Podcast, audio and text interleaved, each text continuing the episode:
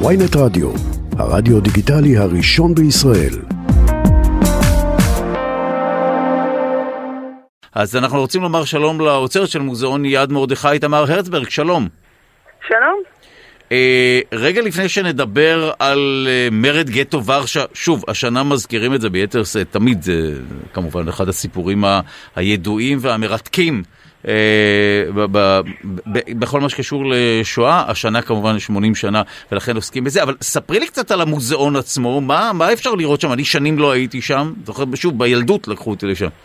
כן, אז uh, הוא השתנה מאוד מאוד מאז הילדות, והתצוגות הן תצוגות חדשות ברובן ומתחדשות גם כל הזמן.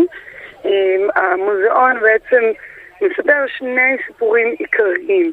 הסיפור של יהדות ורשה לפני השואה, תוך כדי השואה והמרד, והסיפור של uh, תקומת מדינת ישראל, דרך, בעיקר דרך הסיפור של יד מרדכי והקרב על יד מרדכי במלחמת העצמאות. טוב, סקרנת, אה, בא שקצת תפרטי. זאת אומרת, אז שוב, יש, יש את עניין התקומה ויש את עניין הטרום וגם את אה, עניין המרד. הכותרת כן. הכללית של המוזיאון היא משואה לתקומה, אה, ותמיד אנחנו עושים דברים שעוסקים בחיבור הזה על גווניו השונים, על בכלל גם תוהים על החיבור הזה. וכן הלאה, אבל מהצד של השואה אנחנו מדברים על יהדות ורשה לפ... ופולין בכלל לפני השואה, שזה תרבות, חברה, פוליטיקה, אמ, אפילו שילוב בחיים העירוניים וכן הלאה, ואז בעצם מפרוץ המלחמה, השנה הראשונה עד הכניסה לגטו. הגטו עצמו, שיש לנו דגם תלת-מימדי של גטו ורשה, שהוא יחיד במינו בעולם, אין דגם כזה, לא בגודל ולא ברמת הדיוק, ועליו בעצם מוקרן הסיפור של גטו ורשה, אה, דרך, אה, זה נקרא וידאו מאפינג, שבעצם אה, על הדגם ממש מוקרנים אה, חלקים וואו. מהסיפור. טוב, אה, מי שלא כן. יודע, יד מרדכי, אה, אנחנו מדברים על מרדכי אנילביץ', נכון? מי שהנהיג שם כן. את המרד. כן. אה, אה, אה, ספרי לנו, אולי שוב, אני משער שאת מכירה את הסיפור אה, לפרטיו, אה, איך את מסבירה את העובדה שדווקא שם היה מרד? זאת אומרת, מה היה שם שלא היה במקומות אחרים? למרות שגם, שוב, היו עוד אה, מקומות שבהם היו מרידות וכולי, אבל מה, מה ייחד את המקום שיצר שם משהו קשה עבור הנאצים להשתלט על המקום? אז היו גם כמה דברים דווקא מהצד של היהודים, איך הם הסתכלו על המצב. זאת אומרת, אחד, אה, זה לא היה מקום שאפשר היה בקלות לברוח ממנו. הם במרכז עיר אירופאית ענקית, אין יציאה קלה לא ליערות ולא לשום אה, טבע כזה, אז ה- נניח האופציה שהייתה במקומות אחרים להצטרף לפרטיזנים היא הייתה הרבה פחות רלוונטית מבחינתם. לעומת זאת, אה, הם כבר נמצאים בשלב במלחמה שהגיעו אליהם הרבה מאוד ידיעות על מה באמת קורה ליהודים ולאן באמת הם נשלחים. אנחנו מדברים על תקופה שהיא אחרי הגירוש הגדול מוורשה, 350 אלף יהודי, אה, יהודים מוורשה כבר נשלחו לטרבלינקה. אה, ויש, הגיעו אליהם אה, עדויות ושמועות וכל מיני, והם מבינים שהשילוחים האלה זה להשמדה טוטאלית.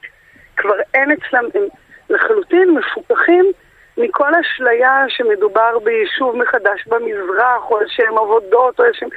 הם מבינים שהמשלוחים מוורשה זה, אה, זה למוות, והפיכחון הזה מביא אותם לנקודה שבה הם מפסיקים לנסות אה, להציל יחידים, ועוברים להילחם על האופן שבו הם ימותו. כי הם מרגישים שזה משנה. אה, מעניין, כן? זו הבחנה? אמ, תראה, כי זה כאילו יש- תקווה ולא תקווה, אבל... אה, כן, כן. הייאוש הוא חלק מאוד מאוד חשוב בסיפור הזה, אבל גם צריך לומר, מה שאני מספרת זה מה שהרבה שנים אמרנו, כי הסתכלנו רק על מה שקורה ב...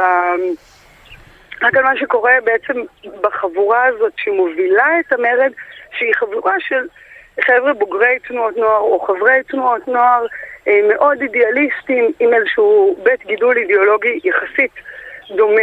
מה שבשנים האחרונות יותר ויותר מתברר במחקר, ובאמת לפרופסור חבי דרייפוס יש תרומה ענקית לעניין הזה, זה מה בעצם קורה מרד גטו ורשה, בשונה ממרידות אחרות, הוא לא היה רק הקבוצות האלה האוונגרדיות.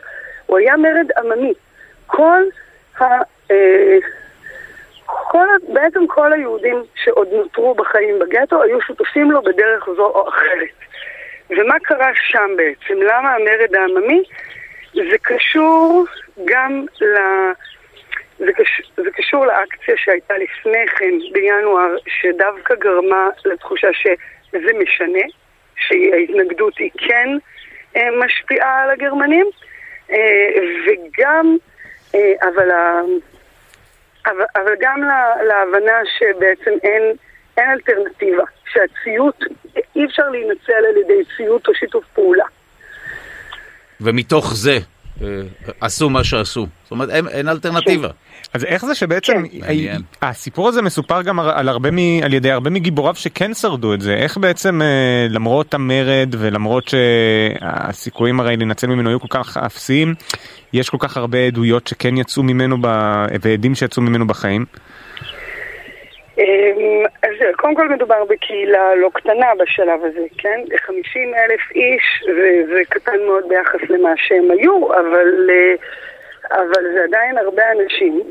אה, זה, זה סביר שמתוך זה יהיה איזושהי אחוז של הצלה. אבל עוד דבר, זה שבאמת בהתחלה הייתה, המחשבה הייתה שהמרד יהיה הסוף של כל הסופים, שאף אחד לא יצא ממנו בחיים. אבל, וזאת אגב הסיבה שאנחנו זוכרים במרד הזה כל כך, ושהוא קיבל כזה פרסום, המרד הזה באמת הצליח להפתיע את הגרמנים.